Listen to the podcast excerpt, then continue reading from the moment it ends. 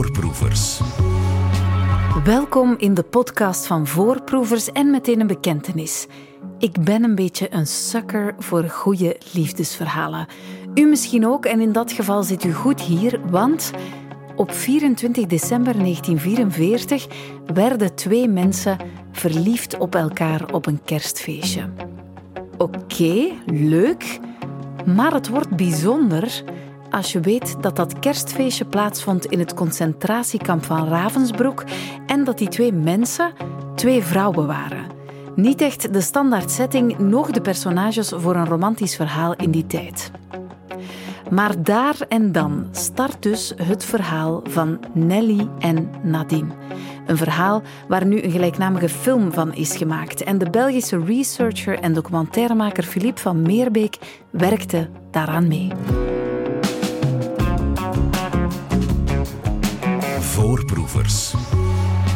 Ik heb dat niet vaak, maar soms zou ik willen dat de radio meer was dan klank alleen.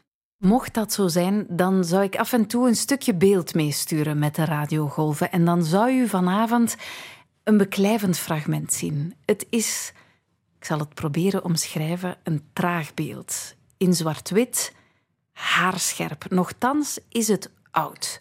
Opgenomen in april 1945. Wat je ziet is een boot die aanmeert in de haven van Malmö, Zweden. En het dek staat vol, maar stampensvol vrouwen. Het zijn overlevenden uit het concentratiekamp van Ravensbrück. Sommige van die vrouwen lachen uitbundig, andere staren stil voor zich uit. En één vrouw springt eruit. Een Aziatisch type, dat valt sowieso al op. En ze kijkt loodrecht in de lens, secondenlang, alsof ze je iets wil vertellen. Maar wat? Met dit fragment begint het. Het verhaal van Nelly en Nadine en meteen ook de film die over hen werd gemaakt. En daar praat ik over met documentairemaker Filip van Meerbeek. Filip, goedenavond. Goedenavond, Linda. Ja, Filip, jij werkte mee aan deze, ik kan het nu al zeggen, hè, prachtige documentaire, Nelly en Nadine, als researcher en story consultant. Die film was er nooit gekomen zonder het stukje beeld dat ik nu net heb omschreven. Hè? Ja, klopt. Eigenlijk heeft uh, Magnus Gerte, dus de filmmaker uit Zweden, dit fragment ontdekt in 2007 en heeft er al twee langspeeldocumentaires over gemaakt. Maar er was één gezicht dat hij uit die hele groep vrouwen die dus aan boord komen, die uit de kampen komen, die gered zijn, die in Zweden worden opgevangen. Eén gezicht daarvan had hij het verhaal nog niet gevonden. En dat was dat van Nadine, dat Chinees gezicht. Ja. Film, de vorige film, dus Every Face Has a Name, die gaat over een aantal verhalen, wordt uitgebracht in Parijs, wordt vertoond en er zit iemand in de zaal die die Chinese vrouw heeft herkend. En dat is Sylvie, dus de kleindochter van Ellie, waar we het straks gaan over hebben, neemt contact op met Magnus en zegt: Ik weet wie zij is. Ik ken die vrouw. Ja. Oké. En zo kom jij ook terecht in dit verhaal. Magnus, die ik kende van vroeger, neemt contact met mij op. Uh, komende uit Zweden, waar ze weinig over de Tweede Wereldoorlog weten. Het was een neutraal land, ook geen Frans en zo. Dus we zijn samen naar die ja, boerderij geweest, die je in de film gaat zien. Een prachtige boerderij buiten Parijs. Om contact op te nemen en met Sylvie te gaan praten. Om te zien welk verhaal zit erachter. Ja, want zij kende dus een van die gezichten in dat fragment. Een van die gezichten op die boot. En dat bleek ene Nadine te zijn. Nadine... Nadine Wang, dus van half Belgische, half Chinese afkomst, geboren in Madrid uit een Chinese ambassadeur en een half Belgische, half Spaanse moeder. Wow. En zij had die gekend als goede vriendin van haar grootmoeder Nelly Mousset. Als klein kind had zij Nadine gezien en ze wist wie Nadine was. Zij wist ook het verhaal van Nelly en Nadine, maar tot een bepaalde hoogte. Want de rest van het verhaal zat in ja, de koffers die we dan nadien ontdekt hebben op zolder. Ja, want er is niet alleen het verhaal, hè? Niet alleen het verhaal van die twee goede vriendinnen. We zullen ze, ze zullen het even zo noemen. Um, maar, maar er zijn ook koffers. Koffers vol papier en foto's die op de zolder van kleindochter Sylvie staan. We waren dus op die boerderij, we praten erover. De namiddag uh, gaat voorbij, we hebben koffie gedronken, goed doorgepraat. Maar ja, wij wilden toch wel iets meer dan het verhaal van Sylvie. En dus heel voorzichtig hebben we dan gevraagd, kunnen we boven eens gaan kijken naar die koffers waar jij over praatte. We hebben dat dan gedaan en bij het binnengaan van de zolder hebben we onmiddellijk die, die schroomgevoel gevoeld bij haar en ook die, dat ging niet vanzelf. Zij is niet naar die koffer gelopen, heeft die opengetrokken, het triomfantelijk gezegd, dat is het. Nee, het ging aarzelend. Ze heeft die koffer gevonden, opengedaan, maar ze is er niet gedoken. En toen is ze beginnen wenen. En toen wisten we, ah ja, oké, hier, moeten we, hier moeten we echt heel voorzichtig zijn. Veel respect tonen en zien hoe dat we dit verhaal gaan kunnen vertellen. Oké, met uh, veel empathie ja. en met voldoende tijd, denk ik. Ja. Um, maar ik denk dat jullie al heel snel voelden dat die grote vriendschap tussen Nelly en Nadine, en dat maakt dit verhaal echt opmerkelijk, meer was dan een grote vriendschap. Ja. Nochtans is het zo dat Sylvie het aanvankelijk heeft voorgesteld. Zij sprak over haar grootmoeder als een heldin uit het verzet. Nelly was koerierster geweest voor het geheim leger, opgepakt naar de kampen gestuurd, had daar dus uh, Nadine tegengekomen. Maar het tweede luik van de film, en daar kunnen we het nu al over hebben, dus de liefde tussen Nelly en Nadine, daar praten zij aanvankelijk niet over Sylvie dat taboe was gewoon nog aanwezig toen we haar kennis maakten. En het is schoorvoetend nadat we kennis hadden genomen van het dagboek van Nelly, dat Sylvie wel had gelezen, dat we aan de hand van een aantal passages vragen zijn beginnen stellen over tja, die Nadine, dat is toch zomaar niet een gewone vriendin geweest. En dan is het eruit gekomen. Ik bedoel, dan is ze beginnen vertellen. Maar ook heel veel tijd, heel veel schroom. En ik respecteer dat ook, want ik heb eigenlijk toen vastgesteld hoe moeilijk dat het is om over zo aanhalingstekens familiegeheim te praten. Dat is niet evident. Nadine en Nelly dus. Twee vrouwen die elkaar leren kennen in een concentratiekamp. Ja. Hoe waren ze daar, hoe waren ze daar terechtgekomen in eerste instantie? Het is eigenlijk een uitzonderlijk verhaal, omdat Nelly was een zangeres uit Sint-Joost-de-Noode. Dat is hier vlakbij in Brussel. Had een carrière gemaakt, had ook voor de radio gezongen. Dus het NIR, de voorloper van onze VRT, de VRT. Was dan koerierster geworden voor het geheim leger, opgepakt, opgesloten en weggevoerd als nachttoetnebelgevangene naar de concentratiekampen. Kerstmis 44 komt zij Nadine tegen. Nadine komt uit Madrid heeft nadien als ambassadeursdochter na de val van het keizerrijk in Peking geleefd, waar ze alle grote vooraanstaanden moest ontvangen omdat zij westers was opgevoed, sprak de talen. Dus Frans, Engels, Spaans. Heeft bijvoorbeeld de prins van Wales toen geïntroduceerd uh, in, in Peking. Nadien is dan op economische missie gestuurd naar Europa, Parijs, Berlijn, Londen. En in Parijs is ze in contact gekomen met dus, uh, de kring, de groep rond Nathalie Barney. Een heel bijzondere figuur. Nathalie Barney was een miljonairsdochter en die van in het begin heel openlijk is uitgekomen voor haar, ja, noem het lesbische liefde of safische liefde. Een salon heeft geopend in Parijs waar de hele Franse culturele jetset langskwam. Schrijvers, Cocteau en zo, die kwamen er allemaal langs. En Nadine is daarin terechtgekomen met dat verschil dat zij geen kunstenares was en een beetje door die groep in, in mineur is behandeld geweest. Maar ze was er wel bij. Er zijn foto's van Barney en Nadine aan de Azurenkust, waar ze dus in gigantische Amerikaanse wagens, vol met vrouwen op het strand gaan picknicken. En dat was dus een, een, een kleine, maar vrij die hadden veel impact. Dat salon had heel veel uitstraling. En daar zat Nadine bij. Wauw, een vrouw van de wereld, een belezen vrouw van de wereld. Ja. En ook een vrouw, en dat, vonden, dat, dat heeft dan ons persoonlijk verrast, die eigenlijk heel snel al in 22, 23 in Peking gaat crossdressen. Dus je ziet ze zowel in een uniform van kolonel van de luchtmacht als een paar maanden later in avondtenue met pauwenveren en hoge hakken en, en, en uh, opgekleed als een vrouw. Ja.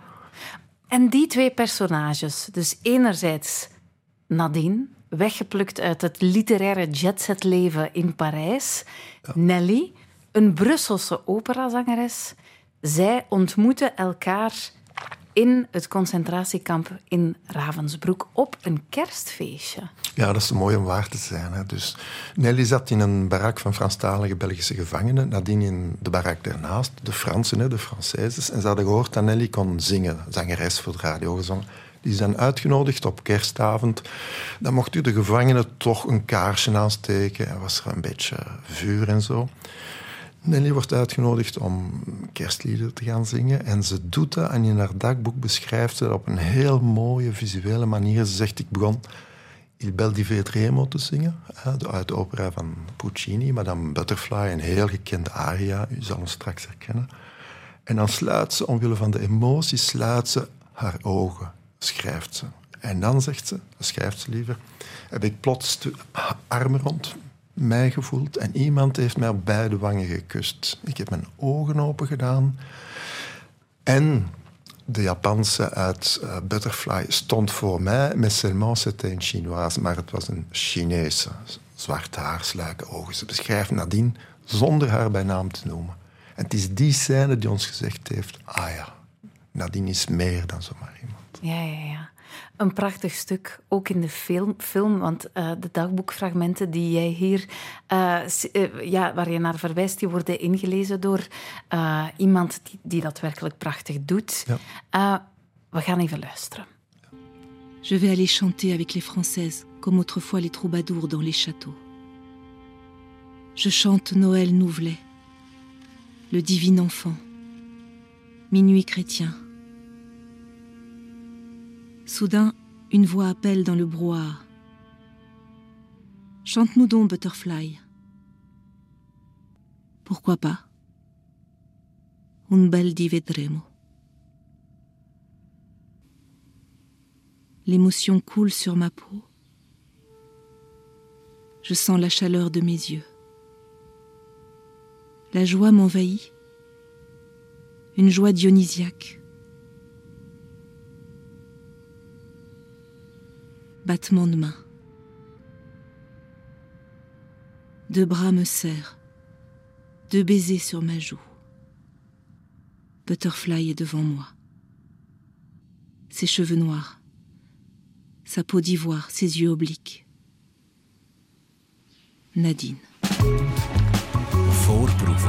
Nelly en Nadine. Een prachtig waargebeurd liefdesverhaal over twee vrouwen die elkaar leerden kennen in het concentratiekamp van Ravensbrück. Ze worden verliefd op elkaar. Daar hadden we het daarnet over. Ik en Philippe van Meerbeek, die meewerkten aan deze film, worden verliefd, die twee dames, maar raken gescheiden. Ja. Ze noemden elkaar eigenlijk Nelly en Nadie. Dat was de verkleinnaam van Nadine. Ja, dat hebben we ook teruggevonden. Die hebben samen, omdat ze samen waren, hebben ze kunnen overleven. En dat is ook de belofte die ze aan elkaar gedaan hebben, Nelly en Nadine, of Nelly en Nadine. Dat is, als wij hier overleven, gaan wij samen verder door het leven. Ja, natuurlijk tussen aanhalingstekens, makkelijk gezegd, in een concentratiekamp, dan geraak je daaruit. Ja. Maar is dat dan nog altijd zo? ze zijn gescheiden geraakt op het einde van de oorlog, dus in april 1945. De een zat nog in Ravensbrück, de ander in Mauthausen. Nadien is vanuit Mauthausen naar Manneugen gegaan, waar ze dan gefilmd is geweest op die boot die je daarnet vermeldde. Hè. Mhm. Dus uh, heeft daar zes maanden gezeten in revalidatie en is dan teruggegaan naar Parijs, waar ze alleen zat, want het salon van Nathalie Barney was bijna opgedoekt. Nathalie Barney was weg. Nadien zat er eigenlijk, had niks meer. Nelly is via Zwitserland gerepatrieerd, komt op 1 mei 1945 terug, maar heeft het ook moeilijk om landen om een aantal persoonlijke redenen. Ze, was, ze leefde gescheiden van haar man, haar oudste dochter zat bij haar man. Haar jongste dochter heeft ze moeten terugvinden in een boerenfamilie ten noorden van uh, Brussel, waar dat meisje twee jaar lang als meid was ingezet. Kunt u die reunie best inbeelden. En ook uh, haar professionele carrière lag eigenlijk plat. Wat is er dan gebeurd? Het is een beetje moeilijk om in te vullen, maar we hebben een postkaart teruggevonden van Nadine in Parijs aan Nelly in Brussel met de vraag van kunnen we elkaar terugzien? Contact. Ja. ja, je vraagt je af hoe gebeurt dat in die tijd? Hè? Ehm, nu in deze dagen van Facebook-profielen en elkaar snel uh, eventjes zoeken uh, op Facebook of op Instagram en daar dan een berichtje sturen. Hoe, vonden, hoe vonden mensen elkaar terug in die chaotische tijden toch ook wel? Dat is ook de vraag die wij ons gesteld hebben natuurlijk, maar dat is eigenlijk heel simpel. Die zaten daar met een paar honderd in een barak en op het einde van de oorlog, diegenen die nog leefden, die vroegen mekaars adressen. Want die band die gegroeid is in die hoeveel was dat, tussen december 44 en april, vijf, zes maanden, die was zo sterk, zo intens. En zo zijn die contacten verder blijven duren bij de overlevenden. Oldschool adressen, zoals wij vroeger op Talenkamp. Ja. En dus nadien is naar Brussel gekomen, is gaan leven in het appartement met Nelly op de Boondaalse Steenweg 387 boven een wasserij. We zijn allemaal gaan opzoeken hoor, en dat is niks veranderd. Daar leven nog mensen die ze gekend hebben toen. Ehm, maar dat is heel snel moeilijk geworden, omdat natuurlijk in het naoorlogse België een vrouwenkoppel werd niet bekeken met de ogen van vandaag. Dat was heel lastig. Dus ze zijn op zoek gegaan, heel snel trouwens. Uh, Nelly heeft uh, al in 1947 de eerste stappen gezet en Via het consulaat van China in Antwerpen zijn ze uiteindelijk alle twee naar Venezuela getrokken, naar Caracas, waar de ene is gaan werken in een bank en de andere op de ambassade van Frankrijk. En daar zijn ze een nieuw leven begonnen. Een compleet nieuw leven. Een nieuw leven dat ze ook documenteerden. Ja. En dat is wel echt is een, cadeau. als documentairemaker. Ja. Uh, ze hebben niet alleen heel veel geschreven. Um, Nadine was ook fan van camera. Ja, beelden. Nadine draaide 8 mm home movies, had zelf een camera, maar deed meer dan gewoon beeldjes schieten. Die, zij heeft onder andere een film die we hebben teruggevonden, echt gedraaid zoals een kort film, dus met een intro, met een aantal scènes, met een generiek, eindgeneriek. En die heet Une journée à Caracas, een dag in Caracas. En daarin laat ze zien van ontbijt tot uh, een stukje in de nacht hoe ze daar leefden, met welke mensen ze omgingen, hoe ze een dag doorbrengen. Gaan shoppen in de shoppingmall, want die waren er toen al in Caracas, in tegenstelling tot België. Amerikaanse auto's bij de vleet. Venezuela was rijk, waren oliedollars. En het was ook een heel tolerante, meer tolerante gemeenschap dan hier.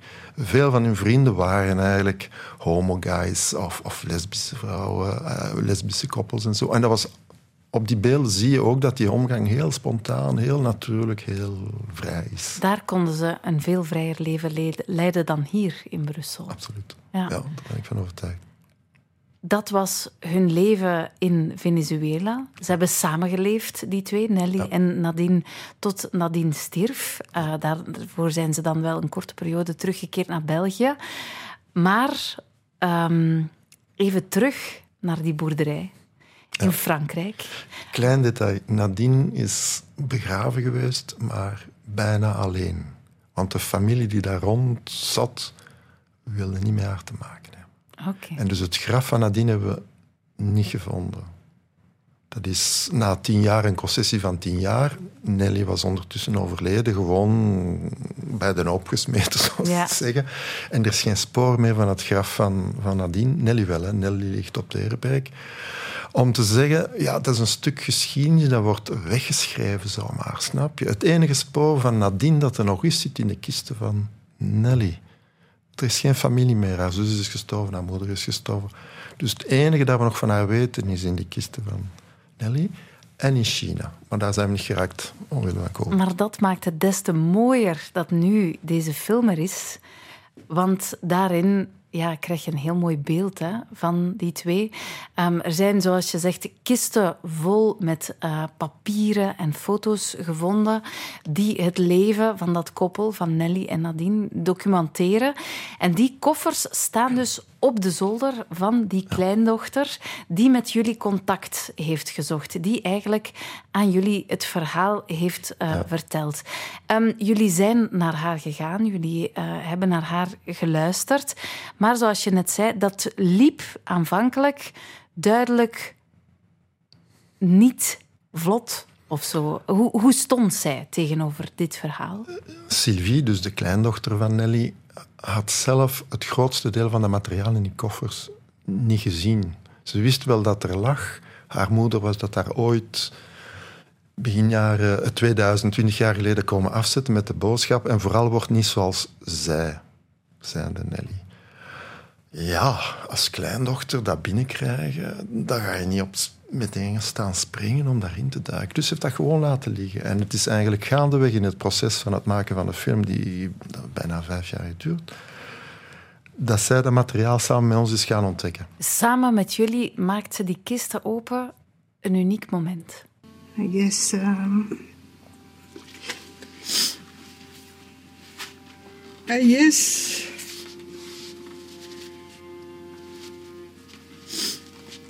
it's part very difficult for me.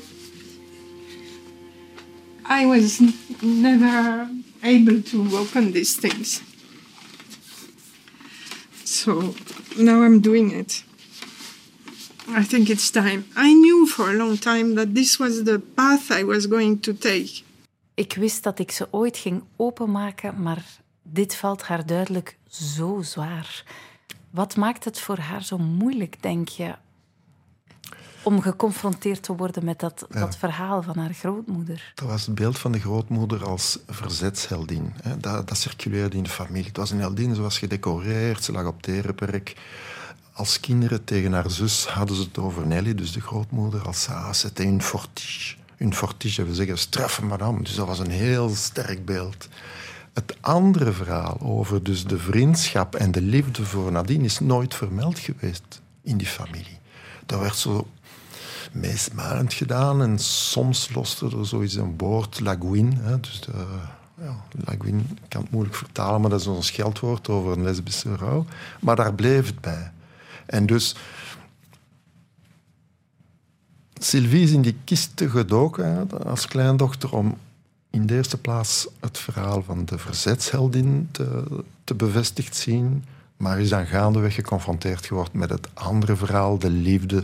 De foto's en de dingen, die logen er niet om. Ik heb een week doorgebracht om heel, die, heel dat archief uh, door te nemen. ik heb dus alles gezien. Ze schrikt ook hè, als ze de doos, als ze de kist ziet, zegt ze: Oeh, ik wist niet dat hier zoveel in zat. Uh, over Nadine. In de film praat Sylvie ook met de Amerikaanse literaire historica Joan Shankar. En zij stelt haar ook een paar heel pertinente vragen. So what took you so long to investigate your grandma? Because nobody was talking about it. Mm-hmm. My mother put these albums in an envelope written Nadine and put this in, in the middle of junk. Mm-hmm. So much of this kind of history is lost completely mm. Because although people live together, as your mm. grandmother did, nobody says it. And nothing is real socially hmm. until it's expressed.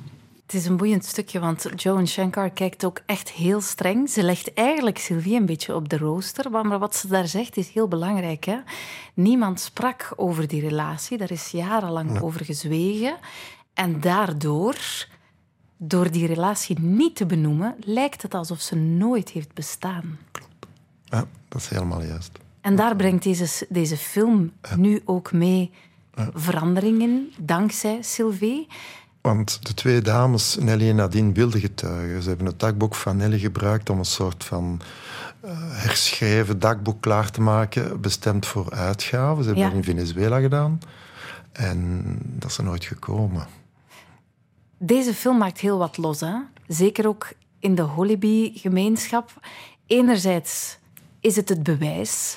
Het bestond uiteraard toen ook al Holebi-relaties in die tijd. Het werd gewoon zelden of nooit getoond. Anderzijds die terechtwijzing, want heel lang werden niet alleen door de familie, bijvoorbeeld nu van Sylvie, die relaties genegeerd, niet benoemd, moesten ze blijkbaar verstopt worden. In dat opzicht is dit, denk ik, een heel belangrijke film voor veel mensen. Ja, ja, dat zijn echo's die ik ook gekregen heb, nog recent bij de première, van dus mensen die, die dat gewoon bevestigen. En als maker is natuurlijk, soms zit je er te veel op en, en, dan ben je even verbaasd, maar zeg je ja, inderdaad, dat klopt. En dat is het, het, taboe doorbreken door te zeggen er ligt een dode zwarte kat op tafel. En die te benoemen, kan je over dat taboe gaan praten. En, daarover, en eraan werken. Als je dat niet doet, gaat dat gewoon generatie na generatie na generatie door. En Sylvie is de derde generatie. Dat is degene die het heeft opgepakt en die er is aan beginnen werken. En daarvan is die film ook het resultaat. Voorproevers. Philippe, het is een, ik denk dat we het niet genoeg kunnen benadrukken, een uniek, verrassend, ontroerend verhaal. Twee vrouwen die verliefd worden in het concentratiekamp, het allebei overleven, daarna de rest van hun leven samen delen. Maar wat ze ook doen, is schrijven. We gaan luisteren naar een stukje waarin Nelly schrijft over hoe ze, nadat ze verliefd is geworden op Nadine in het kamp, haar gaat opzoeken in de barakken. Het is een prachtig stukje waarin ze vertelt hoe ze bij haar in haar bed klimt en hoe ze samen praten, lachen en dromen. Je monte à ton lit du troisième étage. Tu y es heureusement seul, ce qui est rare dans ce camp. Mi-couché, mi-accoudé, nous parlons. Moi de mon enfance, du jardin de ma grand-mère, de musique, de mes concerts, toi de la Chine, du grand hôtel de Pékin et de ses fastes.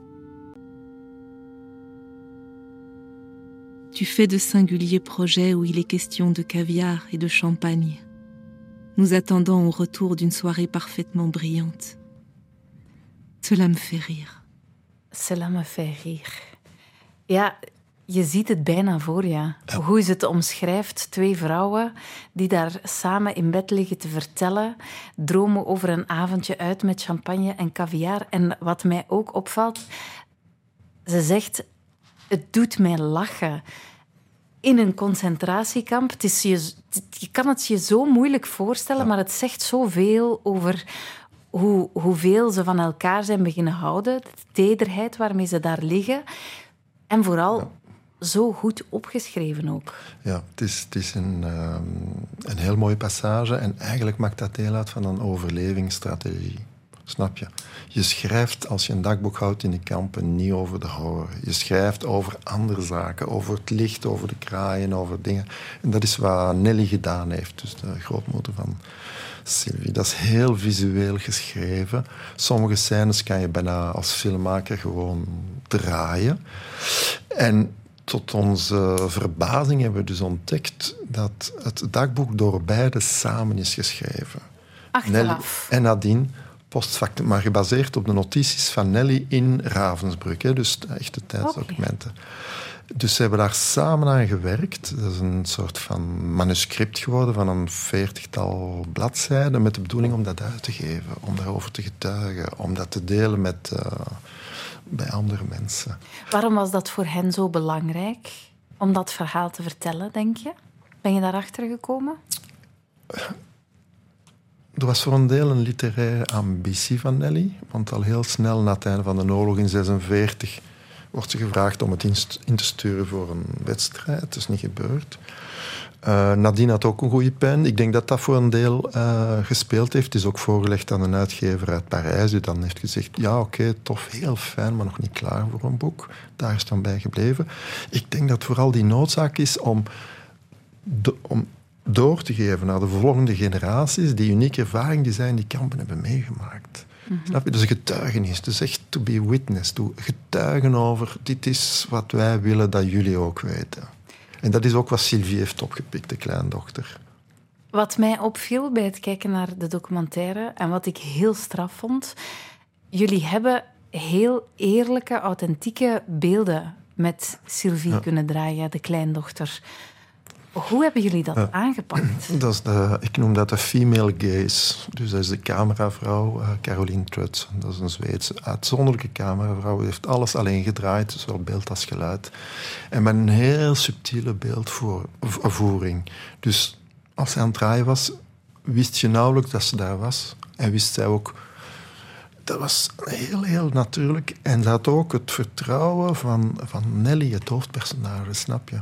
Want wij als mannen, Magnus en ik, wij zijn mannen, ja, dat is een andere wereld, maar Caroline, de cameravrouw, en Sylvie die kwamen heel goed en heel sterk overeen. En Caroline wist precies waar ze de camera moest zetten, wist precies wat ze moest zeggen om het vertrouwen te winnen van Sylvie. Dat Sylvie open kon praten. Ja, dat is een talent. En dan de montage van Jesper Osmond, dat is een wereldster in zaken documentaire montage. Die, die, die vertelt het verhaal. Jullie hebben Sylvie, de kleindochter van, uh, van Nelly, van Nelly en Nadine, uh, ook, een, ook een geweldig cadeau kunnen geven. Ja. Opgedolven in ons VRT-archief. Yes, hier een paar verdiepen lager. Wat ik gedaan heb als we terugkwamen na het eerste bezoek was natuurlijk een check, omdat zij voor de radio had gezongen. Ik, had ze gewoon gezegd, uh, kleindochter. En we hebben dus een drie, vier platen gevonden van Nelly Mousset waar ze optrad voor Tenier, onder andere in 1949. En dat was een wereldcreatie met Darius Milhaud, toch een bekende Franse componist, waarin Nelly de lied zingt. Les Eumenides, de wraakgodinne. De eerste stem die je daar hoort is van Nelly. En dat hebben we, gaan, dat hebben we gedraaid hier in de studio. Dames en heren, gerief dus nu te luisteren naar het eerste bedrijf van de opera Les Eumenides van Darius Milhaud. Het symfonieorkest, de Vlaamse en Franse koren van de Belgische Nationale Radioomroep, als soliste mezzo-sopraan Nelly Mousset. Premièrement, la prière farouche des nerfs entre En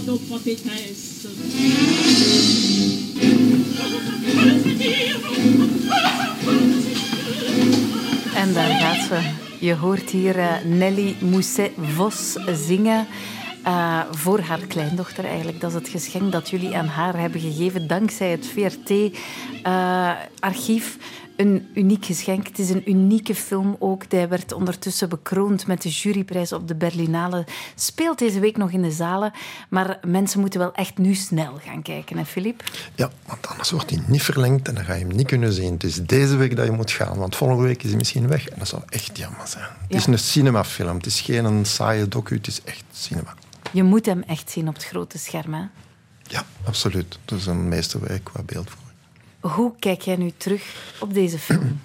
Ja, die staat in mijn top drie van documentaire projecten die ik ooit heb mogen maken al die jaren. Dat is een verhaal waar ik met vertedering aan terugdenk. Sylvie en haar man Christian zijn nu vrienden geworden. Ja, dat zijn al vijf jaar dat we elkaar omgaan. Dus we zien elkaar regelmatig. En uh, ja, ik ben blij dat ik daar heb aan kunnen bijdragen. Samen met heel de ploeg en heel team, ook in Zweden en zo. Ja, dat is een, uniek, uh, een unieke film. Ga hem zien, nu je nog kan. Ik kan hem alleen maar bijtreden, Filip van Meerblik. Uh, het is echt prachtig. Dus doen. Filip, bedankt dat je er was. Dank je, Linda. Voorproevers. Dit was hem weer, de podcast van Voorproevers. Je vindt al onze afleveringen in de app van VRT Max.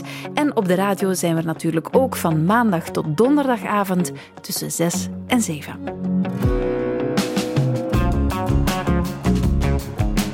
Voorproevers.